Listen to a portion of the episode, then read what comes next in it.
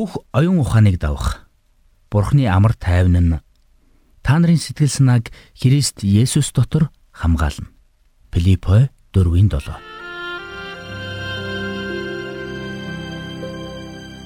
Мэргэний сонсог, мэдлэгийн тэлэг. Ухаалх нь мэрэгэн өдөр төмжийг мөн авах. Доктор Харалт цаалогийн мэрэгэн зөвлөмж нэвтрүүлэг.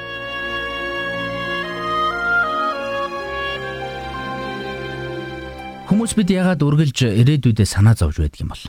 Яагаад гэвэл ирээдүйд юу болохыг хэн ч мэдэхгүй. Ямар аюул занал бидний хүлээж байгааг, ямар гинтийн бэлгүүд бидний хүлээж байгааг бид мэддэггүй. Бид гаднаа дүр эс гэж ирээдүйдээ огт санаа зовхгүй байгаа мэт царайлж болгоч. Үнэн хэрэгтээ. Бидний амьдарч буй дэлхийн ертөнц хизээч өмнөх шигэ болохгүй гэдгийг бид мэддэг. Эзэн Есүс загалмайд цоглогдохынхоо өмнөх орой дээврийн өрөөнд шав нартайгаа зоог урж байхдаа тэдэнд хандан Амар амгаланг би та нарт үлдээн. Амар амгалангаа би та нарт өгнө. ертөнцийн өгдгөөс өөрийг би та нарт өгч байна. Зүрхээ бүү шаналга бүү төгшөцгөө хэмээн альцсан байна. Эзэн Есүсийн энд хэлсэн шаналгах гэсэн грек үг нь сэтгэлээр унах, санаа зовох, уймралд автах гэсэн утгыг илэрхийлдэг. Хүчит шуурган давтан оволзон давлгаалж буй их усыг мөн энэ үгээр илэрхийлдэг байна. Магадгүй өнөөдөр таны амьдралч бас яг үн шиг давлгаалan оволзож байж болох юм. Филиппиний Манила дахь хөрөнгөний мэржин мэрэгжилтэн Марина Годинец хэлэхдээ Нью-Йоркт найтайхад Токио эсвэл Манилад ханиад хүрдэг хэмээн хошигнон хэлсэн байдаг.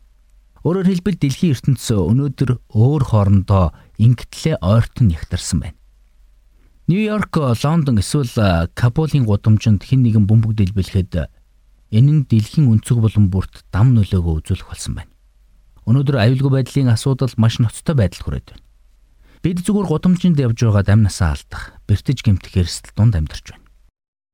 Гэхдээ зөвхөн терроризм, дайн тулааны байдал бидний санааг зовоод гимшээ.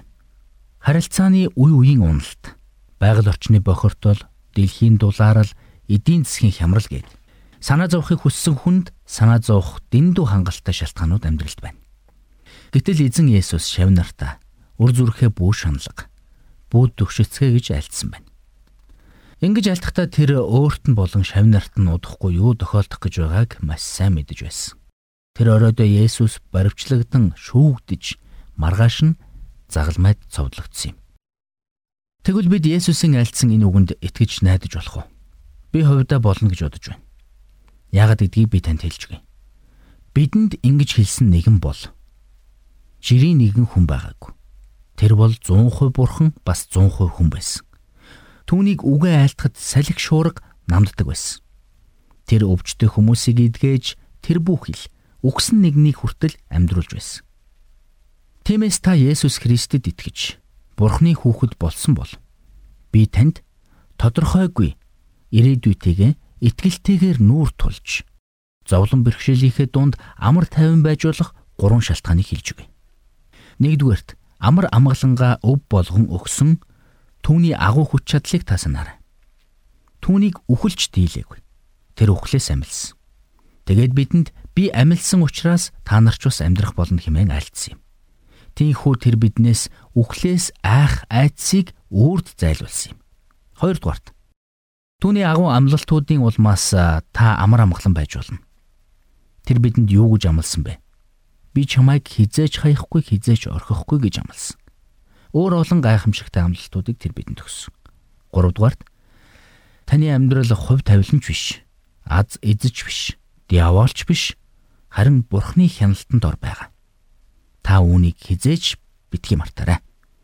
Би хүүхэд байхдаа сонирхолтой ном уншиж байгаад дэсгэл алдаад номныхоо төгсгөлийн хэсгийг уншчихдаг байснаа санаж байна.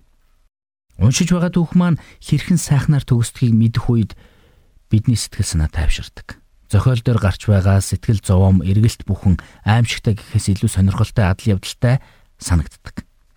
Тэгвэл бидний амьдралын сүүлийн бүлэг Библийн илчлэл номонд бичигдсэн байна. Тэндээс та амар амгалангаа би та нарт өгнө хэмээн айлдсан тэр нэгэн сүр жавхлантайгаар дахин ирж байгааг харах болно. Тэр бол үхэл болон айдсыг үрд ялсан нэгэн билээ. Энэ бол зохиомол түүх биш харин бодит явдал юм шүү.